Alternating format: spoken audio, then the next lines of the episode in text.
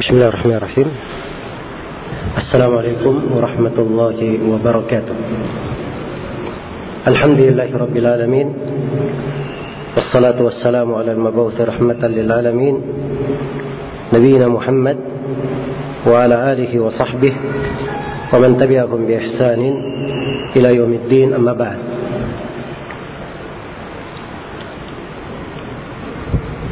kaum muslimin dan muslimat hadirin dan hadirat rahimani wa rahimakumullah.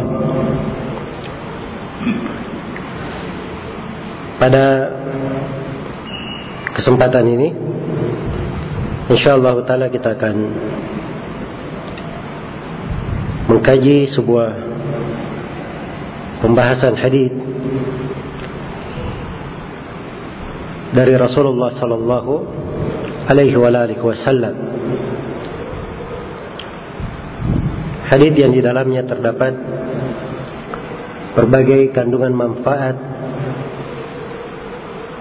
dan faedah yang berharga. Terdapat di dalamnya dari pedoman dan pijakan di dalam kehidupan.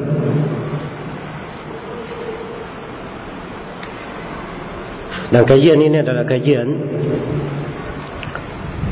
yang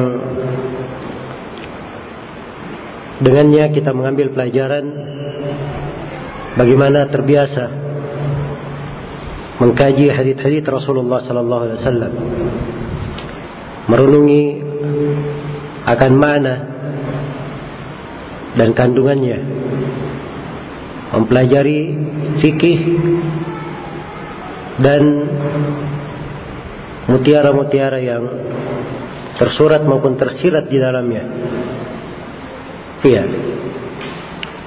Karena salah satu dari hal yang paling indah di dalam kehidupan seorang hamba apabila dia punya perhatian khusus terhadap hadis-hadis Rasulullah sallallahu alaihi wasallam punya perhatian di dalam memahaminya kemudian punya perhatian di dalam menyampaikannya karena itu dalam sebuah hadis yang mutawatir Rasulullah sallallahu alaihi wasallam bersabda, "Naddarallahu imra'an sami'a maqalati fawa'aha." فبلغها كما سمع فرب مبلغ أو أمن سامع yang artinya semoga Allah memperindah wajah seorang dia mendengar sebuah hadis dariku. Ucapan dariku. Kemudian dia pahami ucapan tersebut. Bahwa aha dia pahami. Dia menghafalnya. Lalu dia menyampaikannya sebagaimana yang dia dengar. Maka didoakan oleh Nabi Shallallahu Alaihi Wasallam Semoga Allah memperindah wajahnya. Memperbaik wajah orang yang seperti ini. Maka ini doa dari Nabi Sallallahu Alaihi Wasallam. Iya. Terhadap siapa yang biasa membaca hadisnya, memahaminya, kemudian menyampaikannya. Didoakan oleh Nabi Sallallahu Alaihi Wasallam semoga wajahnya itu diperindah. Nah, di sini ada hadis diriwayatkan oleh Imam Al-Bukhari dan Imam Muslim dari Jarir bin Abdullah Al-Bajali radhiyallahu anhu. Beliau berkata, "Kunna inda Nabi sallallahu alaihi wasallam فنظر إلى القمر ليلة يعني البدر Kata beliau kami dulu pernah berada di sisi Rasulullah sallallahu alaihi wasallam. Kemudian beliau melihat kepada bulan di malam purnama. Jadi beliau melihat bulan di malam purnama. Faqala maka beliau berkata, "Innakum satarawna rabbakum kama tarawna hada la tadammuna fi ru'yatihi." Sesungguhnya kalian semua akan melihat Rabb kalian sebagaimana kalian melihat bulan ini. Kalian tidak terhalangi, tidak tertirai dari melihatnya. Bisa juga diartikan la tadammuna kalian tidak berdesakan di dalam melihatnya. Fa in istata'tum alla la tughlabu ala salatin qabla tulu'i syamsi wa qabla ghurubiha fa'alu. Jika kalian mampu untuk tidak terkalahkan dalam menjaga solat sebelum matahari terbit dan solat sebelum matahari terbenam, salah satu riwayat diterangkan, yakni solat al-asri wal fajar, solat subuh dan solat asar dan solat subuh. Kalau kalian mampu seperti itu, hendaknya kalian melakukannya. Kemudian Nabi Shallallahu Alaihi Wasallam membaca firman Allah, "Wasabbih bihamdi rabbika qabla tulu'i syamsi wa qabla al-ghurub." Dan bertasbihlah memuji Rabbmu, bertasbihlah dengan memuji Rabbmu sebelum terbitnya matahari dan sebelum terbenamnya. Iya. Di dalam hadis yang mulia ini Terdapat dari kebiasaan Rasulullah Sallallahu Alaihi Wasallam bersama para sahabatnya, mana para sahabat selalu berada di sekitar Nabi guna mengambil ilmu dan petunjuk dari Rasulullah Sallallahu Alaihi Wasallam. Maka pada suatu malam dan malam itu di malam purnama, Rasulullah Sallallahu Alaihi Wasallam melihat ke bulan lalu memberikan perumpamaan bagaimana kondisi melihat Allah Subhanahu wa taala pada hari kiamat. Bahwa orang yang beriman akan melihat Allah Azza wa Jalla pada hari kiamat dengan sangat jelas. Dengan sangat terang dan mudah di dalam melihatnya. Sebagaimana halnya mudah, jelas dan terang melihat apa? Bulan purnama. Kemudian Rasulullah sallallahu alaihi wasallam mengingatkan bahwa keutamaan yang didapat keutamaan orang yang melihat Allah di hari kiamat itu didapatkan dengan bekal amalan salih. Maka beliau memerintah untuk menjaga pelaksanaan solat subuh dan pelaksanaan solat asar sebagai sebab untuk melihat Allah pada hari kiamat. Kemudian beliau bacakan ayat yang menjelaskan tentang kedudukan dua solat ini. Itu makna global dari hadis yang telah kita bacakan ini. Iya. Dalam hadis ini terdapat beberapa fikih, pelajaran dan pijakan yang penting kita renungi. Yang pertama yang ingin saya ingatkan di sini tentang kebiasaan para sahabat Rasulullah sallallahu alaihi wasallam berada di sekitar Nabi Sallallahu Alaihi Wasallam. Iya. Jarang diketemukan ya di dalam hadis misalnya. Rasulullah itu sendiri di banyak keadaan beliau didampingi para sahabatnya. Ada saja. Saya bersama Nabi, saya pernah dibonceng Nabi. Kami pernah di atas gunung Uhud bersama Nabi. Ya, itu ada di dalam berbagai riwayat. Ya memang dari kebiasaan para sahabat mereka menemani Rasulullah sallallahu alaihi wasallam berada di sekitarnya. Iya. Karena kedekatan dengan orang yang berilmu itu mendatangkan berbagai kebaikan. Dan ini akhlak yang mulia.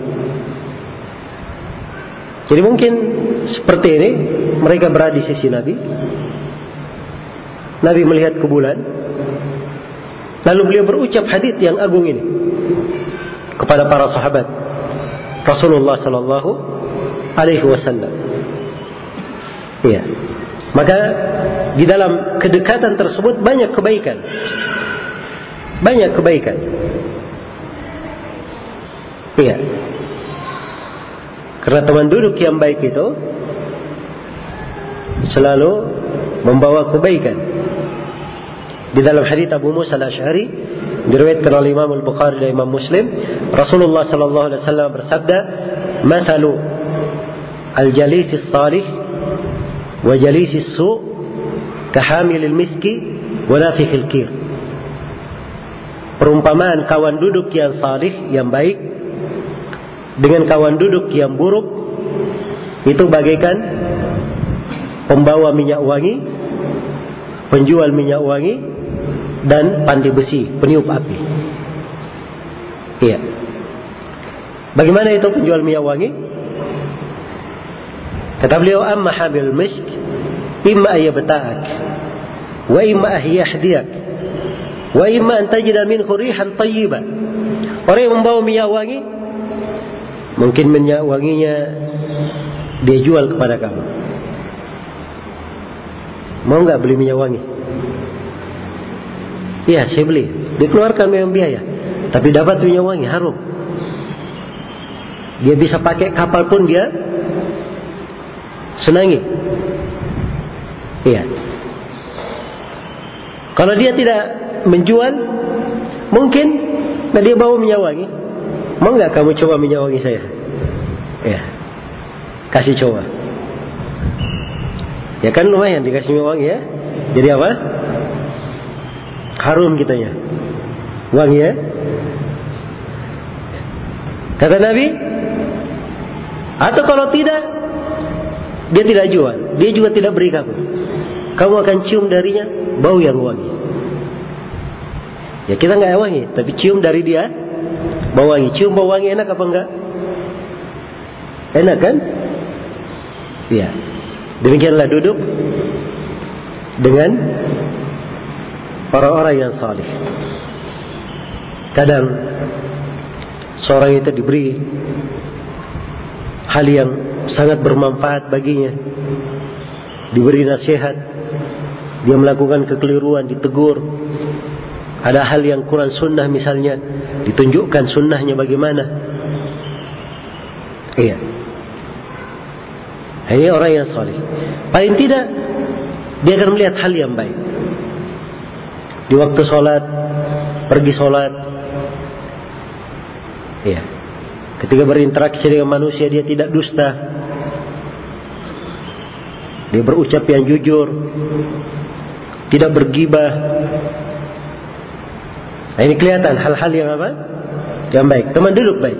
Tapi kalau teman duduk yang jelek, itu bagikan peniup api, pandi besi. Orang pandi besi masa dahulu itu kan apinya dia tiup ya supaya berkobar agar membakar besi. Kemudian bisa dia olah besi tersebut. Nah ini ketika dia tiup, kalau apinya lurus, kena besinya. Tapi kalau salah sedikit dia niup, kena siapa? Karena itu kata Nabi, amma nafikhul khair imma yahtariqak. Mungkin saja dia membakar kamu. Wa imma tajinu minhu rihan mumtina. Dan mungkin kamu akan dapatkan darinya suasana yang tidak enak.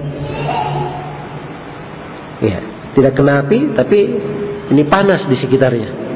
Nah, itu teman duduk yang jelek. Maka selalu berada di tengah orang-orang yang baik, orang-orang yang salih, berada di majelis-majelis ilmu, dekat dengan orang-orang yang berilmu, para ulama. Ini adalah suatu hal yang sangat indah sekali. Itu kebiasaan para sahabat Nabi Shallallahu Alaihi Wasallam. Dan mereka seperti itu, para sahabat. Dan demikian pula mereka mengajarkan murid-murid mereka para tabiin. Para tabiin juga seperti itu. Iya. Di tiga generasi pertama, generasi setelahnya, generasi setelahnya, itu tampak sekali kecintaan manusia menghadiri majelis-majelis ilmu. Kesenangan mereka mendengarkan hadith-hadith Nabi Sallallahu Alaihi Wasallam sampai disebutkan di biografi Abu Bakar bin Abi Shaybah rahimahullah salah seorang guru Al Bukhari dan Muslim dan guru penulis kutubus sita secara umum Abu Bakar bin Abi Syaibah ini di majelisnya dihadiri sekitar 20 ribu orang. Padahal tidak ada mikrofon waktu itu. Hah? Kira-kira bagaimana dipikirkan? 20 ribu orang yang hadir. Tidak ada mikrofon. Ya. Di masa dahulu itu di kalangan ahli hadith ada namanya mustamli. Jadi guru kalau berbicara, dia berbicara kalimat per kalimat, jumlah per jumlah, ya kata per kata. Dia nggak langsung bicara begitu. Ya. Jadi kalau dia sudah berbicara di sini, ada yang berdiri di jarak yang bisa mendengar suara guru. Kemudian orang yang berdiri ini Setelahnya ada lagi yang menyambung dan mendengarkan suara orang yang berdiri di sana yang pertama. Terus ke belakang sampai ke akhir. Jadi ketika guru berbicara diterima oleh orang yang pertama. Orang pertama berbicara diterima orang yang kedua. Orang yang kedua berbicara diterima sampai orang yang ketiga sampai ke belakang. Iya. Waktu itu masya Allah ya fasilitasnya terbatas. Tapi ilmunya masya Allah ya berberkah 20 ribu orang bisa hadir kalau sekarang pakai mikrofon pakai ini ya suara tidak putus-putus ya karena tidak putus-putusnya menjadi khusyuk sekali. Ya. Akhirnya tidak sadar mengantuk. Iya kalau mereka di masa dahulu luar biasa. Karena itu Fasilitas itu sebenarnya bukan hambatan di dalam orang belajar. Tapi yang penting adalah semangat. Yang penting adalah apa? Semangat. Ya, dan terlihat di sini dari kebiasaan para sahabat Rasulullah Sallallahu Alaihi Wasallam dekat dengan Nabi Sallallahu Alaihi Wasallam. Ini patut diberi kita ambil contoh dan pelajaran ya. Ya, di surah Al-Kahfi Kan disebutkan kisah Ashabul Kahfi. Hah? Ashabul Kahfi berapa orang? Anak muda itu? Ada tujuh orang ya?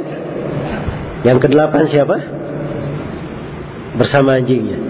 Ini anak-anak muda ditidurkan di gua berapa tahun? 309 tahun. Anjingnya ikut tidur bersama Ashabul Kahfi. Iya. Kalau Ashabul Kahfinya jelas amalannya. Mereka ini anak-anak muda yang beriman kepada Allah, menjaga tauhidnya, tidak ingin ikut dengan kekafiran, akhirnya mereka meninggalkan kaumnya untuk menjaga agamanya demi keimanannya. Ditidurkan 309 tahun, itu wajar. Dapat karomah, keberkahan. Tapi yang menjadi pertanyaan anjing ini ikut tidur juga 309 tahun. Sama dengan anak-anak muda pemiliknya. Apa amalan yang dia lakukan? Hah? Kata sebagian ulama yang dia kerjakan adalah dia berkawan dengan orang-orang yang saleh. Karena itu setelah Ashabul Kahfi kan ayat Wasbir nafsaka ma'al ladina yad'una rabbahum bil ghadati wal 'ashi yuriduna wajha wala ta'du 'ainaka anhum turidu zinatal hayatid dunya Sabarkanlah diri engkau bersama orang-orang yang beribadah kepada Robnya pagi dan petang. Kan itu jangan ayat. Setelah kisah. Jadi kita diperintah mengambil pelajaran dari situ. Iya. Ini pelajaran berharga. Karena itulah wajar ya. Dicontoh para sahabat kehidupan mereka. Dan apa yang Nabi Shallallahu Alaihi Wasallam biasakan para sahabat dengannya. Ya. Ini adalah kebiasaan yang sepatutnya kita perhatikan.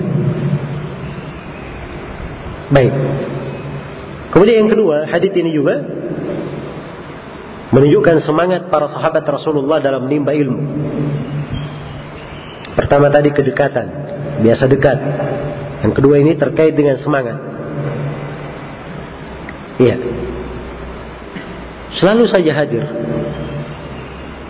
tidak absen. Ya. Bahkan sebagian sahabat kalau dia absen, dia tanya kepada sahabat yang hadir, kalian kemarin dapat apa? Iya. Itu ada hadis di riwayat Bukhari ya. Riwayat Bukhari dan Muslim. Kisah Umar dan tetangganya. Karena rumahnya agak jauh dari masjid, mereka bergantian turun ke Nabi Shallallahu Alaihi Wasallam. Sehari Umar pergi, kalau Umar balik, dia beritahu tetangganya, Nabi hari ini berbicara begini dan begini dan begini. Ya, besoknya tetangganya yang turun, dia balik, disampaikan bahwa Nabi hari ini berbicara begini dan begini. Semangat para sahabat Rasulullah Sallallahu Alaihi Wasallam. Iya, tidak ada lebihnya. Mau lihat dari potret semangat para sahabat Rasulullah Sallallahu Alaihi Wasallam. Sekaligus semangat Nabi Sallallahu Alaihi Wasallam. Ya kita akan bahas juga ya semangat Nabi nanti di faedah berikutnya. Di dalam hadis Abu Zaid Umar bin Khattab radhiyallahu anhu beliau bercerita bahwa pernah suatu hari Nabi setelah sholat subuh beliau naik ke atas mimbar lalu berkhutbah berbicara sampai masuk waktu duhur dari sholat apa? subuh sampai duhur berapa jam? Iya. Mungkin kalau agak pendek ya paling sedikit lima jam lah. Masya Allah. Iya. Setelah itu Nabi turun mengimami para sahabat sholat duhur. Setelah itu pulang, ayo istirahat, makan siang, tidur siang, tidak, habis sholat duhur naik lagi Rasulullah ke mimbar. Beliau berbicara lagi sampai masuk waktu asar. Setelah itu beliau turun. Mengimai para sahabat. Setelah itu naik lagi. Terus beliau berbicara sampai masuk waktu maghrib. Kata Abu Zaid, yang paling banyak ilmunya waktu itu adalah yang paling bagus hafalannya di antara kalian. Ya, ini mereka kisahkan keadaan mereka. Tidak disebutkan oleh Abu Zaid. Ada dari sahabat yang kabur misalnya ketika pengajian. Atau setelah itu Rasulullah menyampaikan lalu mereka pergi. Karena mereka dilarang. Kalau Rasulullah sedang berbicara, tidak boleh berpaling. Iya. Nabi memanggil, memberi perhatian, diperhatikan. Itu komitmen mereka. Beda dengan kita di masa ini. Hadis Nabi dibacakan, ayat-ayat Al-Quran dilantunkan. Tapi sedikit perhatiannya. Karena kurang pengagungannya. Pernah seorang sahabat dipanggil oleh Nabi. Dia sedang sholat sunnah. Dia tidak datang. Setelah selesai sholat baru dia datang. Maka Nabi berkata, bukankah Allah berfirman di dalam Al-Quran, Ya ayuhalladzina amanu istajibu lillahi walir rasuli idza da'akum lima yuhyikum. Wahai orang-orang yang beriman, jawablah seruan Allah dan seruan Rasulnya kalau kalian dipanggil untuk kehidupan kalian. Saya memanggil engkau, kenapa tidak datang? Maka diperintah jangan dia ulangi lagi. Harusnya ketika Nabi memanggil, itu kewajiban dia datang. Solat itu solat sunnah. Yang mana yang didahulukan, kewajiban atau sunnah? yang wajib didahulukan. Karena itu para sahabat diajari etika. Karena Nabi kalau berbicara itu adalah hal yang menghidupkan. Dan itulah ayat-ayat Al-Quran dan hadis Rasulullah. Memang kehidupan. Hal yang membuat orang hidup dengan kehidupan yang sebenarnya. Iya. Demikian. Dan di antara hal yang sangat berbahaya adalah orang yang punya kebiasaan meninggalkan majelis-majelis ilmu. Di dalam hadis Abu Laith Al-Waqidi radhiyallahu taala anhu Abu Laith Al-Waqidi Rasulullah sallallahu alaihi wasallam atau Abu Waqid Al-Laythi radhiyallahu anhu Rasulullah sedang berbicara di tengah para sahabatnya maka datanglah tiga orang Perhatikan ya, datang tiga orang. Adapun orang yang pertama, dia lihat ada tempat kosong. Dia datang, dia masuk di tempat kosong itu. Adapun orang yang kedua, dia duduk di belakang. Adapun orang yang ketiga, dia berpaling pergi. Dan Nabi sedang berbicara saat kejadian itu terjadi. Begitu Nabi menyelesaikan pembicaraannya, beliau berkata, "La ukhbirukum bin nafaris thalatha?" Inginkah kalian aku ceritakan tentang tiga orang yang datang? Amma ahaduhuma fa'awa ila Allah fa'awa Allahu ilaihi. Adapun orang yang pertama dia bersegera kepada Allah, Allah bersegera kepadanya. Adapun orang yang kedua dia malu, Allah juga malu darinya.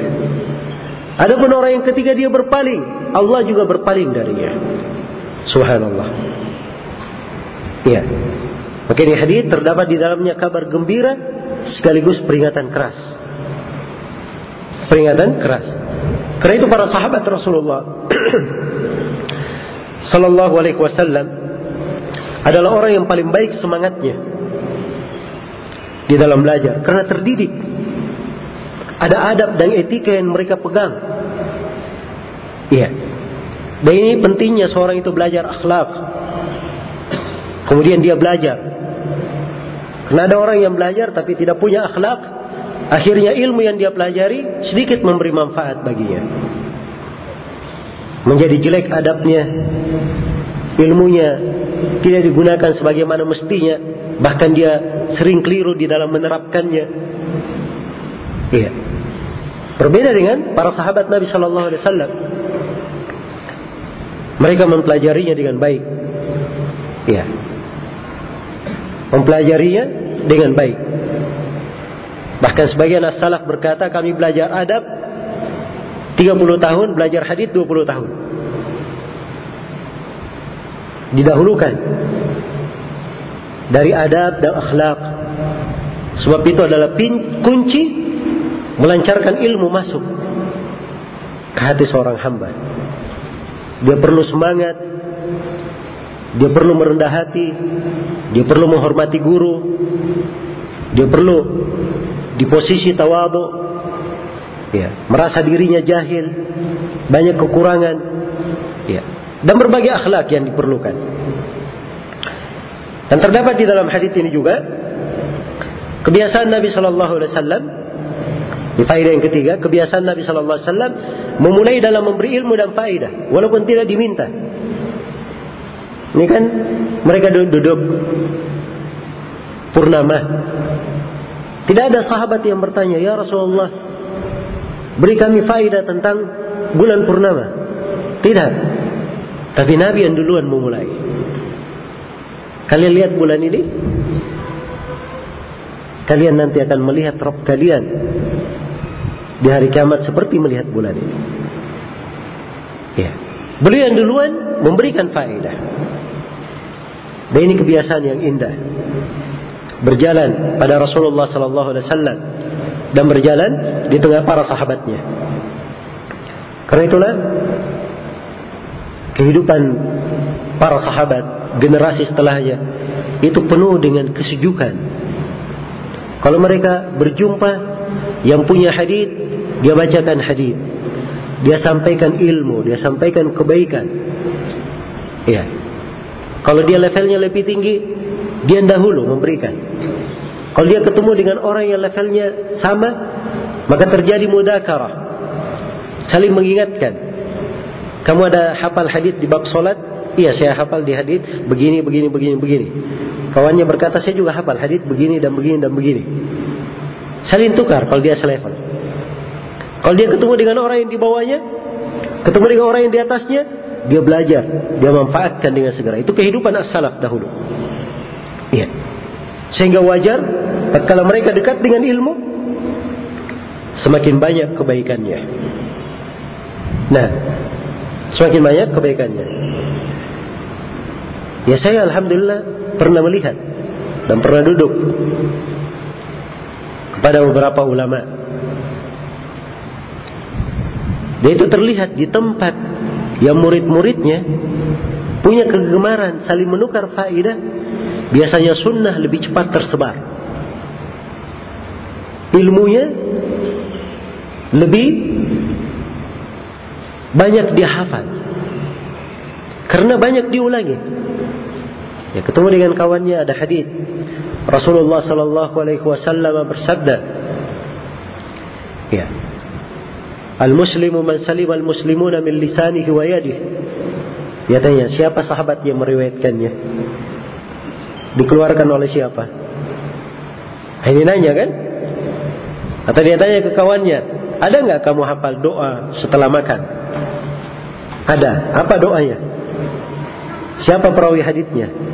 Siapa yang mengeluarkannya? Ini kan mudakarah namanya. Dan itu kehidupan ilmu. Seperti itu. Dia ketemu dengan orang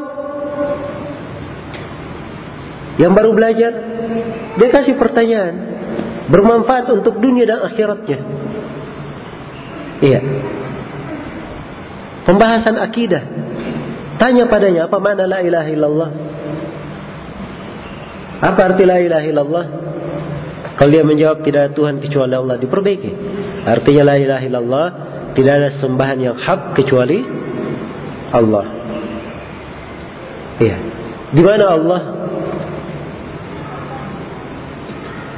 Kalau dia menjawab di mana-mana, diluruskan. Ini kan tersebar di Indonesia. Iya. Tuhan di mana-mana. Dan ini keyakinan yang batil. Subhanallah Tuhan di mana-mana berarti Allah itu banyak. Ada di mana-mana? Itu kan banyak kalau di mana-mana. Hah?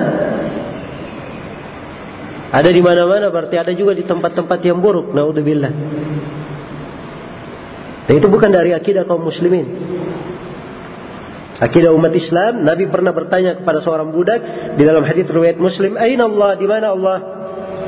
Maka budak ini menjawab, "Fis sama, di atas langit."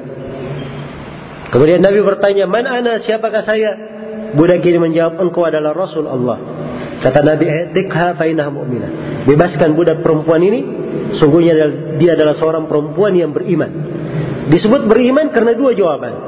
Diakui bahwa Allah di atas langit dan diakui Muhammad adalah Rasul Allah. Iya. Jelas ya? Jadi keimanan itu kalau terpatri indah di dalam hati luar biasa. Dia tahu Allah di atas langit. Faidah keimanan yang pertama. Dia memahami ketinggian Robnya di atas langit. Keagungannya. Faidah yang kedua. Dia mengetahui luasnya ilmu Allah. Di atas langit dan mengetahui segala yang terjadi. Apa yang ada di dalam hati, apa yang dibisikkan dalam hati, semuanya diketahui. Tidak ada yang luput darinya sama sekali. Dan banyak sekali dari faedah keimanan di belakangnya. Nah, ini kalau lurus akidahnya. Ya. Tapi kalau keyakinannya Allah di mana-mana, berdoa tidak tahu dia mau menghadap ke mana. Ya. Tapi kalau dia tahu Allah di atas langit, itu hatinya selalu mohon kepada Robnya di atas mengarah kepada suatu arah. Iya, dia ke atas langit, memohonnya. Jelas ya? Bukan dia menghadapkan kepalanya ke langit, tidak. Tetapi dirinya itu menunjukkan ke mana? Ke langit. Subhanallah. Ini di antara manfaat dan faidah. Ketika keyakinan itu lurus. Ya, karena itulah Rasulullah Shallallahu Alaihi Wasallam ini punya kebiasaan selalu membuka dengan faedah. Nah, ini harusnya kita berusaha untuk menghidupkannya. Bagaimana kita hidupkan bersama keluarga kita, anak-anak kita, kawan-kawan kita. Ya. Bagaimana seorang itu dalam sebuah majelis ada satu faedah ilmu yang dia ulangi sebelum berpisah dengan kawan-kawannya supaya mereka berpisah di atas kebaikan. Berpisah di atas kebaikan. Iya. Baik. Kemudian di dalam hadis ini juga terdapat bolehnya menyampaikan ilmu di malam hari. Kan itu pada saat apa? Bulan purnama. Itu kejadian di malam atau di siang hari? Di malam hari. Ya. Jadi kadang ada yang berkata, oh, kenapa taklimnya malam-malam? Hah? Jawabannya boleh saja. Menyampaikan ilmu di malam hari adalah hal yang apa? Diperbolehkan. Baik. Kemudian yang kelima, di dalam hadis ini terdapat bolehnya melihat ke bulan purnama. Dan selainnya dari makhluk-makhluk Allah, guna mengambil pelajaran dan renungan. Jadi seorang melihat pada makhluk-makhluk Allah diambil pelajaran dan renungan. Inna fi khalqis samawati wal ard wa ikhtilafil laili wan nahar la ayatin liulil albab. Sungguhnya pada penciptaan langit dan bumi bersilih gantian siang dan malam terdapat ayat-ayat bagi orang-orang yang memiliki hati. Iya. Nabi Musa alaihi salam ketika bersama Nabi Khadir di atas perahu mereka melihat ke laut. Nabi Khadir setelah itu memberikan faedah kalimat hikmah setelah ada burung turun ke laut minum air kemudian naik lagi maka Nabi Khadir berkata kepada Nabi Musa wahai Musa tidak ada perumpamaan antara ilmu saya dan ilmu kamu dengan ilmu Allah kecuali seperti burung itu. Minum dari apa? Dari air. Ini pendekatan pemahaman. Ilmu Allah itu tidak pernah kurang. Ya. Jangankan satu burung, semua burung yang ada di dunia minum pun tidak berkurang. Kan begitu? Tapi ini pendekatan. Bahwa apa yang kalian dapatkan dari ilmu itu semuanya asalnya dari Allah itu pun sedikit yang kalian ketahui. Sangat sedikit. Yang kalian ketahui. Maka boleh melihat sesuatu dari makhluk-makhluk Allah. Kemudian seorang mengambil pelajaran darinya. Nabi Shallallahu Alaihi Wasallam pernah duduk. Kemudian didatangkan kepada beliau jumar. Jumar ini dari apa namanya eh, pohon kurma yang dimakan dia kayak biasanya kalau pohon itu ada tengahnya dari bukan buahnya dari batang itu kadang bisa dimakan ya. Ya didatangkan nah maka melihat hal tersebut Nabi bertanya kepada para sahabat inna minas syajari syajaratan la taskutu waraquha wa mathaluha kamathalil mu'min Sungguhnya di antara pepohonan ada sebuah pohon. Dedaunannya itu tidak gugur. Dan pohon ini perumpamaannya seperti perumpamaan seorang muslim, seorang mukmin. Apakah pohon itu? Hadithul limahi.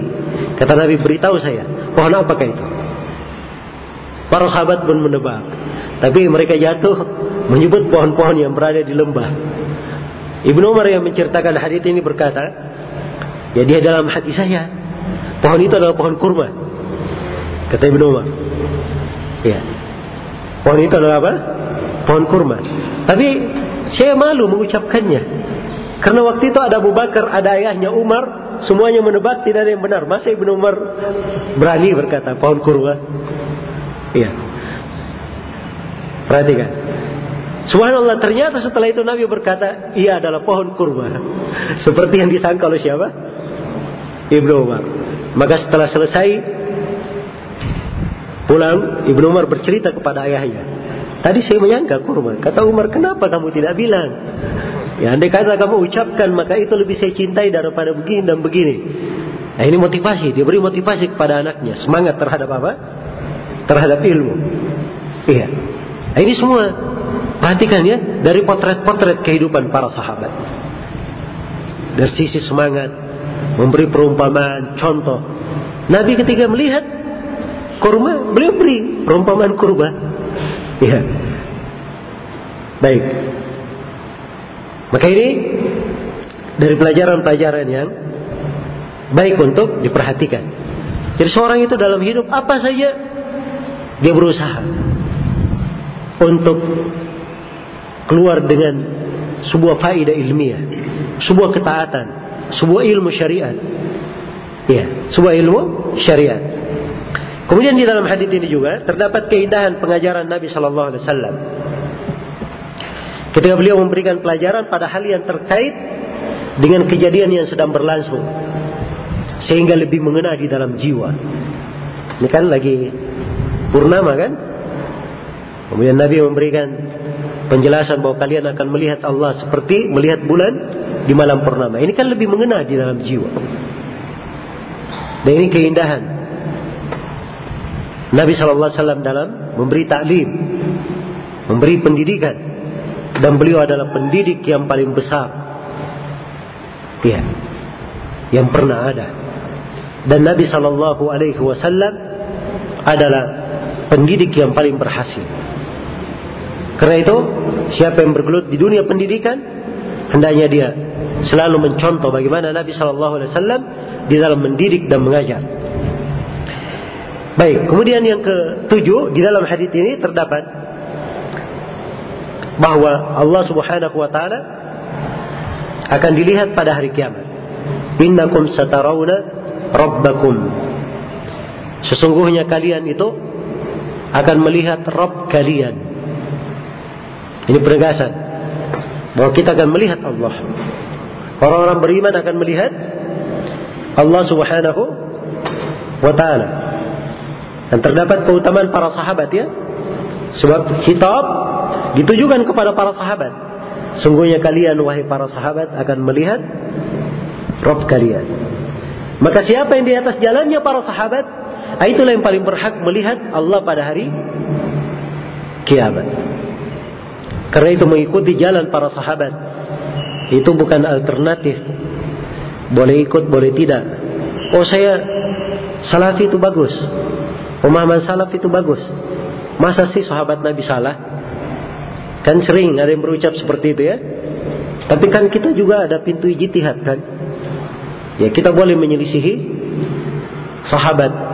Kan ucapan sahabat tidak mesti untuk diambil.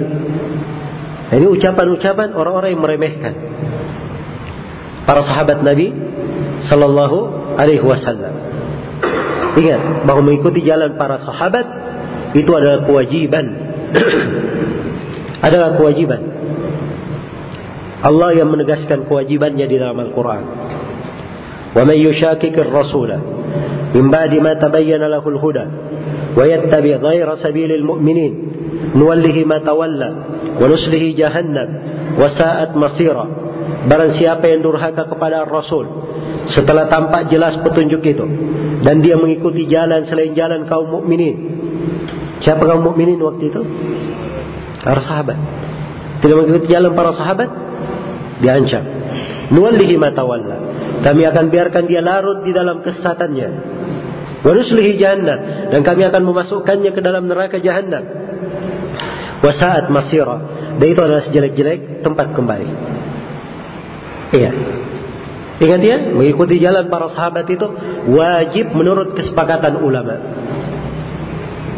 Ibnu Qudamah rahimahullahu taala berkata di dalam kitabnya Dammut Ta'wil faqad sabata wujub ittiba'i salafi bil kitabi was sunnati wal ijma' kata beliau telah syah telah tetap dengan kuat kewajiban mengikuti jalannya para as-salaf berdasarkan dalil dari Al-Qur'an dari as-sunnah dan kesepakatan ulama. Kata Syekhul Islam Ibn Taimiyah rahimahullah sebagaimana dalam Al-Majmu' Al-Fatawa jilid 4 halaman 149 beliau berkata la aiba ala man adhara madhhab as-salaf wa intasaba ilayhi wa ataza yajibu qubulu dhalika bil ittifaq fa inna madhhab as-salaf la yakunu illa haqqan kata beliau tidak ada aib bagi orang yang menempatkan jalan as-salaf madhab as-salaf bernisbat kepadanya merujuk mengacuh kepadanya tidak ada aib ya menurut kesepakatan ulama. Karena madhab as-salaf itu tiada lain kecuali apa? Kebenaran. Maka terdapat lurusnya jalannya para sahabat. Kalian wahai para sahabat akan melihat Rabb kalian sebagaimana kalian melihat purnama ini. Mereka yang didahulukan. Adapun yang datang setelahnya, siapa yang mengikuti jalannya para sahabat, maka mereka akan mendapatkan keutamaan tersebut. Iya. Fa'in amanu bimitli ma amantum bihi faqad ihtadaw. Allah berfirman, kalau kalian beriman, kalau mereka maksudnya orang-orang musyrikin di masa Nabi, kalau mereka beriman seperti keimanan kalian wahai para sahabat, maka mereka telah berada di atas petunjuk. Jadi jadikan keimanan para sahabat barometer keimanan yang benar. Ini dari keistimewaan sahabat Nabi Sallallahu Alaihi Wasallam. Karena itu sungguh sangat celaka, sangat sangat celaka, serta sangat celaka Siapa yang mencela sahabat Rasulullah sallallahu alaihi wasallam. Dan di sini salah satu pokok kesesatan kaum Syiah Rafidhah yang mereka mencela sahabat Nabi sallallahu alaihi wasallam bahkan mengafirkannya dan tidak segan-segan mereka mengatakan ibu-ibu kaum mukminin, istri-istri Nabi sebagai para pezina naudzubillah. Ya, dan tidak ada keraguan siapa yang mengatakan Aisyah berzina maka dia adalah kafir menurut kesepakatan ulama. Iya, karena Allah telah mensucikan Aisyah di dalam Al-Quran 10 ayat khusus turun mensucikan Aisyah radhiyallahu anha dari tuduhan kaum munafikin waktu itu. Maka siapa yang mencela Aisyah menuduhnya dengan tuduhan itu, setelah itu maka dia kafir menurut kesepakatan ulama. Iya. Baik. Ini faedah yang keberapa sudah? Hah? Faedah yang ketujuh? Sudah ke delapan kalau nggak salah. Jadi yang ketujuh tadi melihat Allah ya. Yang kedelapan terdapat keutamaan para sahabat Rasulullah Wasallam. Ya, dan kewajiban mengikuti jalan mereka. Sebelumnya saya ingin mendetailkan lebih memperdalam tentang keyakinan Allah akan dilihat pada hari kiamat. Ini adalah keyakinan yang disepakati oleh ulama Islam. Disebutkan di dalam buku buku-buku akidah. Keyakinan ini berdasarkan dalil dari Al-Quran dan Sunnah Rasulullah Sallallahu Alaihi Wasallam. Ini salah satu hadis yang menjelaskan bahwa Allah akan dilihat pada hari kiamat. Dalam Al-Quran banyak ayat yang menjelaskannya. Di antaranya adalah firman Allah Subhanahu wa taala wujuhu yawma idin nadhira ila rabbiha nadhira. Wajah-wajah pada hari itu, itu pada hari kiamat berseri-seri, sangat gembira. Iya. Senang sekali. Kenapa? Mereka melihat kepada wajah Allah Subhanahu wa taala. Ini orang-orang beriman. Karena itu nikmat yang paling besar di sorga adalah nikmat melihat ke wajah Allah Subhanahu wa taala. Dalam tafsir ayat lilladzina ahsanu al-husna wa ziyadah. Orang-orang yang berbuat baik di kehidupan dunia, dia dapat sorga al-husna dan dapat tambahan. Apakah tambahan itu? Dalam riwayat Muslim yaitu melihat ke wajah Allah Subhanahu wa taala. Ketiga, penduduk sorga sudah masuk dalam sorga. Ini dalam hadis yang lain. Riwayat Bukhari dan Muslim sudah memperoleh berbagai kenikmatan. Maka Allah Subhanahu wa taala berfirman kepada penduduk sorga, "Wahai penduduk sorga, inginkah kalian aku tambah?" Maka mereka berkata, "Wahai Rabb kami, apalagi yang ditambahkan untuk kami? Bukankah Engkau telah memutihkan wajah kami? Bukankah Engkau telah memberi nikmat kepada kami? Kami telah dimuliakan dengan sorga." Maka disingkaplah tirai mereka melihat ke wajah Allah Subhanahu wa taala dan tidak ada kenikmatan yang lebih lezat bagi, bagi mereka tidak ada kenikmatan yang lebih besar daripada melihat ke wajah Allah Subhanahu wa taala ini nikmat yang paling besar karena besarnya nikmat ini Rasulullah sallallahu alaihi wasallam mengajarkan doa yang sebaiknya dibaca di akhir salat setelah tasyahud sebelum salam dibaca oleh Ammar bin Yasir. Pernah Ammar bin Yasir sholat ya menjadi imam. Sholatnya ringkas. Orang-orang berkata, wahai Ammar, kenapa agak ringkas sholatnya? Kata Ammar, tidakkah kalian tahu bahwa saya di akhir sholat tadi membaca Allahumma bi ilmikal ghaib wa bi qudratika ala khalq ahyini ma alimtal hayata khairan li wa tawaffani idha alimtal wafata khairan li dan seterusnya sampai datang ke doa wa as'aluka ladzatan nadar ila wajhik. Ya Allah dan saya memohon kepadamu kelezatan memandang ke wajahmu. Wa syauqa ila liqa'ik, kerinduan berjumpa denganmu. Fi ghairi dharra'a mudhirra wala fitnatin mudilla. Tanpa ada bahaya yang membahayakan dan tanpa ada fitnah yang menyesatkan. Subhanallah. Permohonan khusus karena besarnya nikmat ini. Iya. Karena itu ini keyakinan harus terpatri dalam hati. Dan itulah selalu saya katakan ya, bahwa mempelajari ilmu akidah itu penting sekali. Sebab pokok yang memasukkan ke surga. Sekarang bagaimana tergambar ya? Orang mau melihat wajah Allah pada hari kiamat, sedangkan dia sendiri tidak pernah tahu bahwa Allah itu akan dilihat pada hari kiamat. Hah? Tapi kalau seorang belajar, dia pahami bahwa Allah akan dilihat pada hari kiamat. Dan itu adalah kenikmatan yang terbesar di sorga. Dia tentunya rindu akan hal tersebut. Ingin mendapatkannya, ingin meraihnya. Ingin meraihnya. Kalau tidak ada kenikmatan di sorga kecuali ini, ya cukuplah itu alasan seorang masuk apa? Ke sorga. Ya. Dan kadang ada alasan lain ya, seperti sebagian salah ditanya. Ya. Ditanyakan kepada beliau, "Wahai fulan, berikanlah kepada kami pembicaraan tentang sorga yang membuat kami rindu ingin masuk ke sorga." Kata beliau, "Fiha Rasulullah sallallahu alaihi wasallam." Di sorga itu ada Rasulullah sallallahu alaihi wasallam. Jadi adanya Nabi di sana cukup seorang itu cinta ingin masuk sorga. Karena Nabi ada di mana? Di sorga. Ya, ini kerinduan, kecintaan kepada Nabi dan seorang kecintaannya kepada Allah lebih besar seorang mukmin.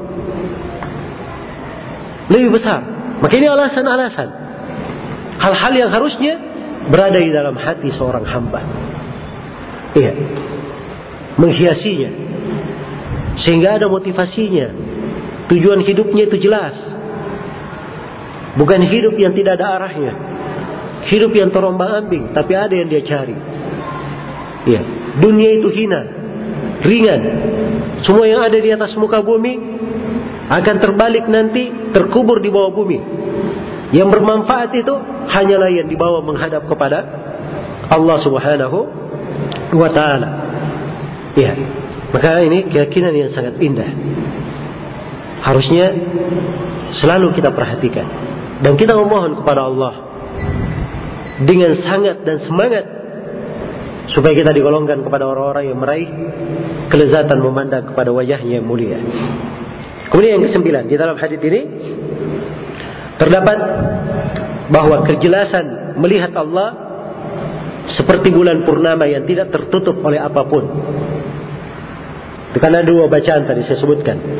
La tudammuna bisa di domma mimnya. La tudammuna yang artinya tidak berdesak-desakan.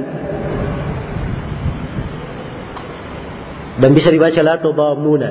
Tidak tertirai, kalian tidak terhalangi. Iya. Dan ini dua mana benar ya. Dan ini menunjukkan bahwa pertama tidak ada tirai yang menghalang. Jadi kalau orang ingin melihat tidak ada tirainya. Kemudian yang kedua ketika melihat tidak berdesak-desakan. Orang melihat apa namanya bulan purnama kan tidak mesti dia katakan kepada kawannya, eh kamu minggir dulu, saya mau melihat. Tidak perlu, karena dia di mana pun berada, di kondisi apa pun dia bisa melihat ke mana? Ke bulan. Nah, semuanya mampu melihat dari tempat berdirinya. Dan ini juga menunjukkan bahwa semuanya memiliki kesempatan dan kondisi yang sama dalam melihatnya. Semuanya sama. Nah, ini makna perumpamaan, permisalan. Ya, dipermisalkan seperti melihat bulan untuk empat makna ini. Bahwa tidak ada tirai, tidak berdesak-desakan, semuanya mampu melihat dari tempatnya dan semuanya memiliki kesempatan untuk melihat. Ya. Itu mana perumpamaan ya. Kalau saya melihat misalnya orang pemberani, kemudian saya berkata ini orang seperti singa. Apakah dia singa betulan? Tidak kan? Tapi ini perumpamaan yang menunjukkan sifat dia. Iya. Jadi ketika Nabi memperumpamakan kalian akan melihat Allah seperti melihat bulan, bukan artinya Allah itu bulan. Nah, itu salah paham ya. Iya. Jadi sebelum belajar bahasa Arab, bahasa Indonesia-nya harus diperbaiki dulu. Iya.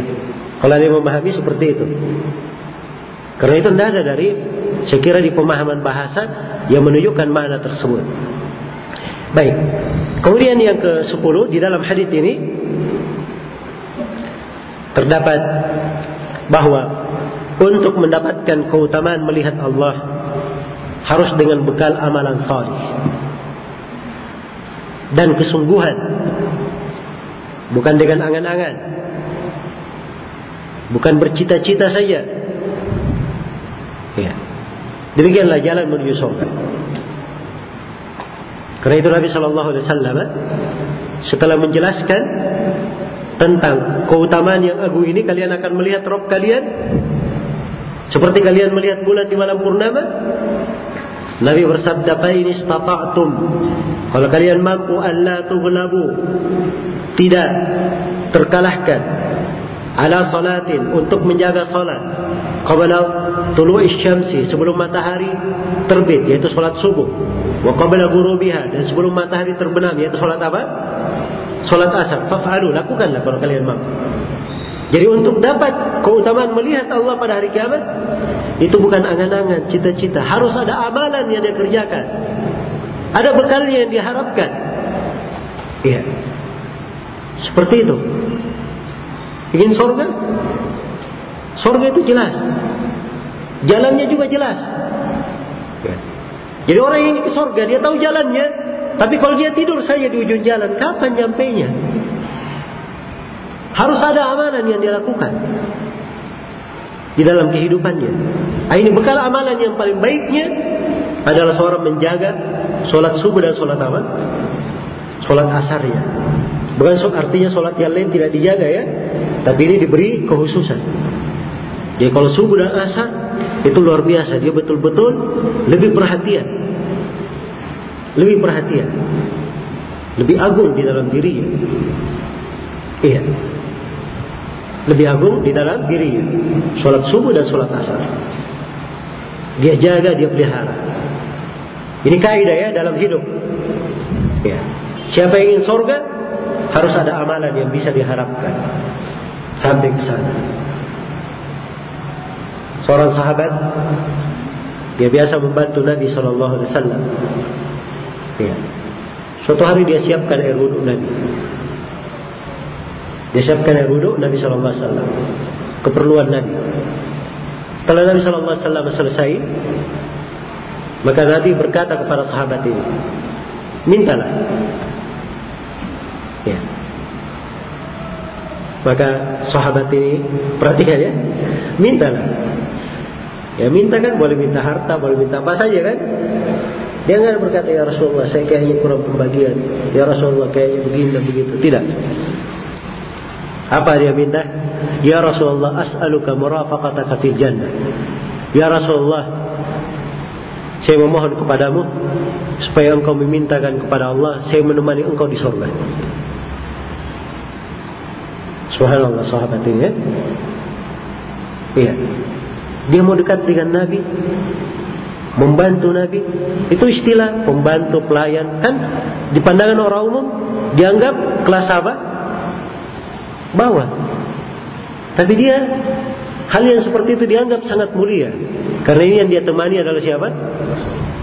Rasulullah SAW. Ya. Sebab sesuatu yang mulia itu itu perlu pengorbanan. Kadang harus dia beli dengan hal yang paling mahal pun yang dia miliki dalam kehidupannya. Itu nggak ada masalah.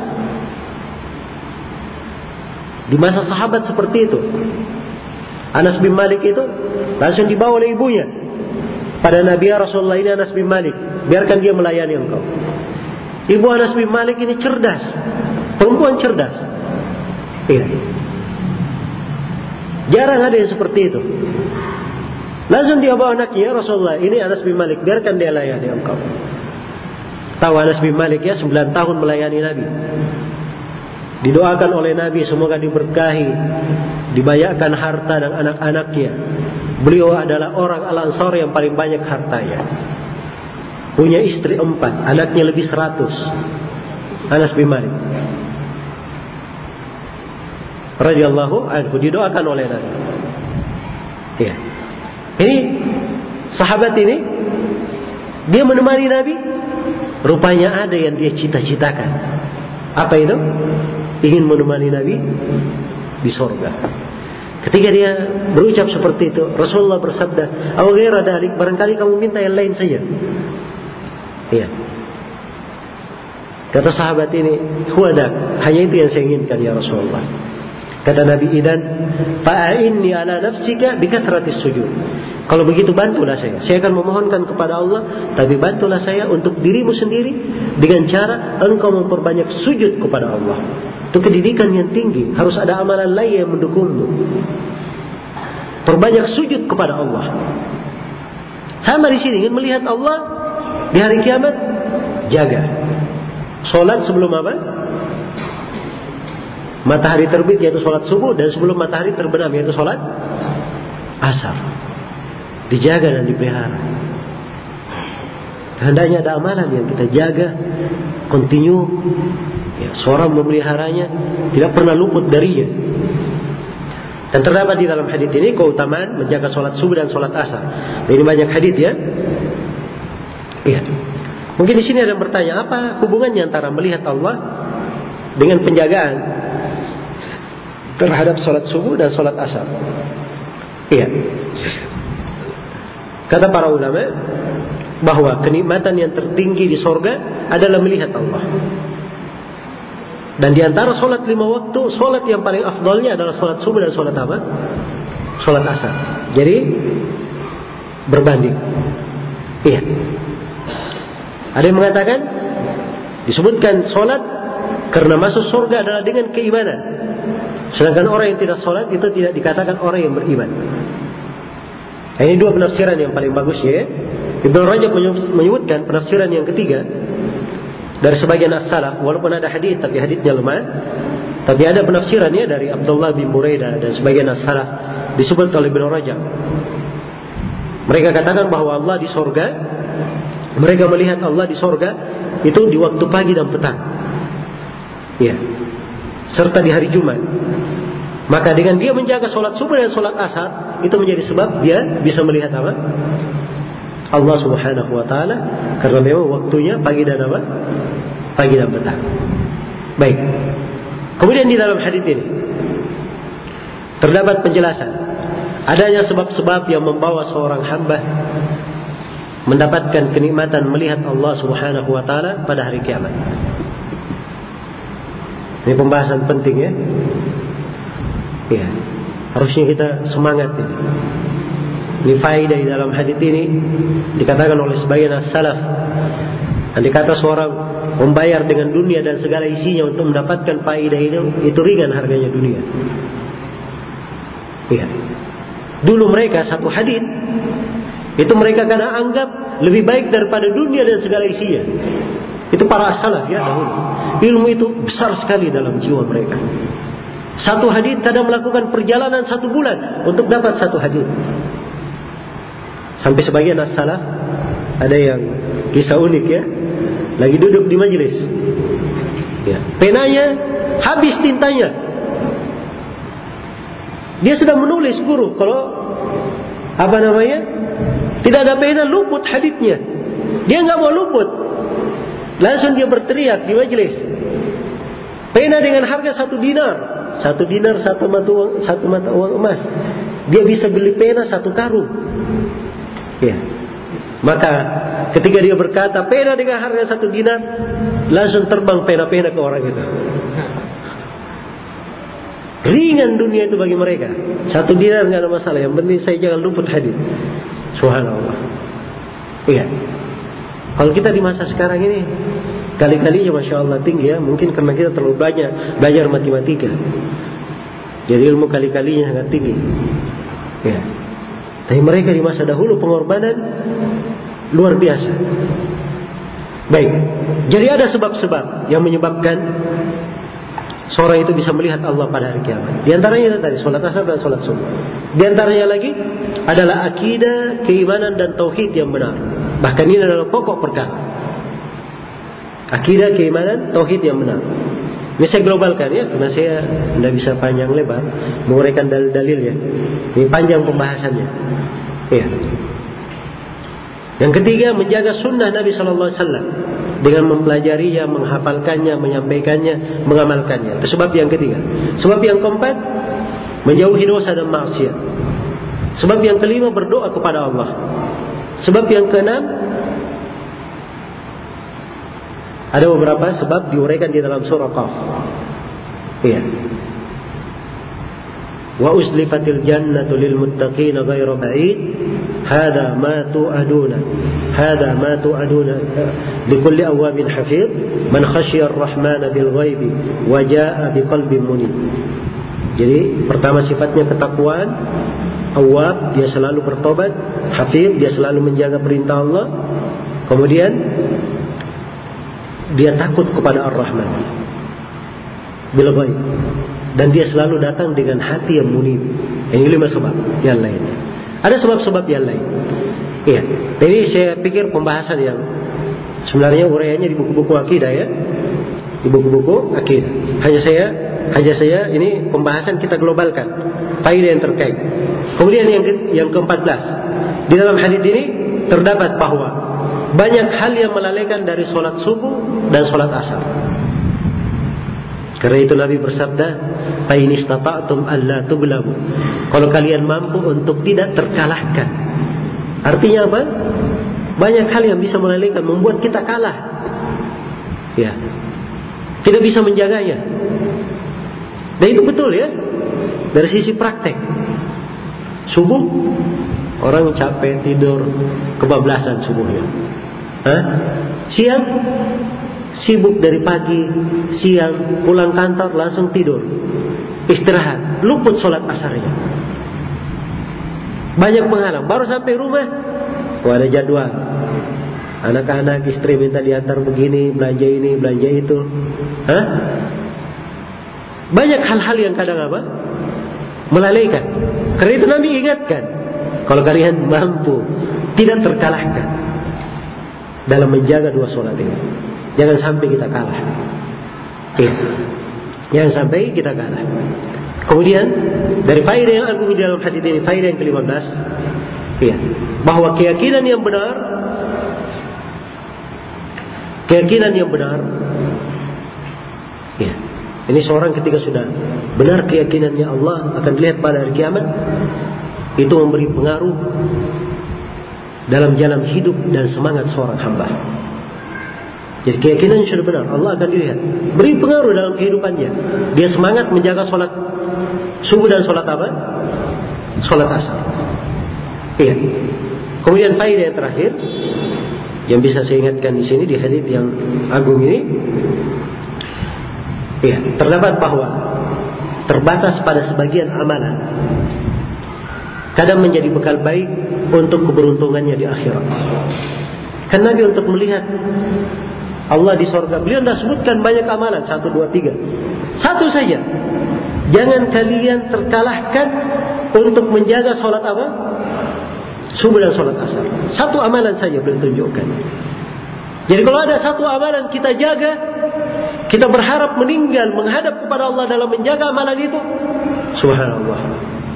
Maka Sungguh seorang itu telah beruntung. Kata sebagian as-salaf, andai kata saya tahu Allah telah menerima satu saja dari amalanku, saya sudah berharap ingin mati saja. Sebab itu sudah keberuntungan. Tapi seorang tidak ada yang menjamin dirinya. Apa yang dia lakukan selama ini telah diterima oleh Allah. Bersama dengan dosa dan maksiat yang kadang menggugurkan kebaikan-kebaikan. Tidak ada yang menjamin pahalanya sudah tetap. Iya. Maka seorang muslim dan muslimat harus melihat dari jalan-jalannya. Memperhatikan bagaimana jalur dia bisa istiqamah di atas jalan Allah Subhanahu wa taala. Ini hadis-hadis penuh dengan pelajaran. Banyak manfaatnya. Subhanallah. Dan ada hadis-hadis lain ya. Ya semisal dengan ini bahkan lebih daripada itu.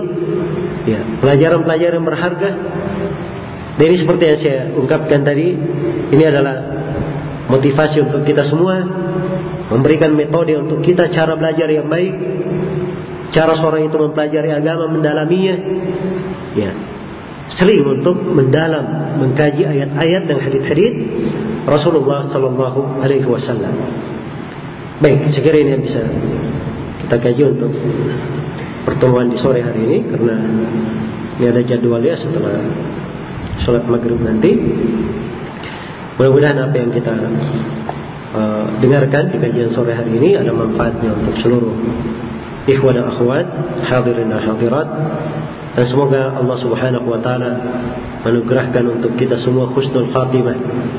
Memuliakan kita semua melihat wajahnya kelak di kemudian hari di surganya dan memuliakan kita semua untuk menjadi orang-orang yang selalu menegakkan kewajiban meninggalkan segala yang dilarang menjalani segala sebab yang dengannya kita meraih kemuliaan dan kebaikan di sisi Allah melihat wajah Allah Subhanahu wa taala pada hari kiamat innahu waliyyu dzalika wal qadiru alaih wallahu taala alam subhanakallahumma wa bihamdik asyhadu an la ilaha illa anta astaghfiruka wa atubu ilaik walhamdulillahi rabbil alamin wassalamu alaikum warahmatullahi wabarakatuh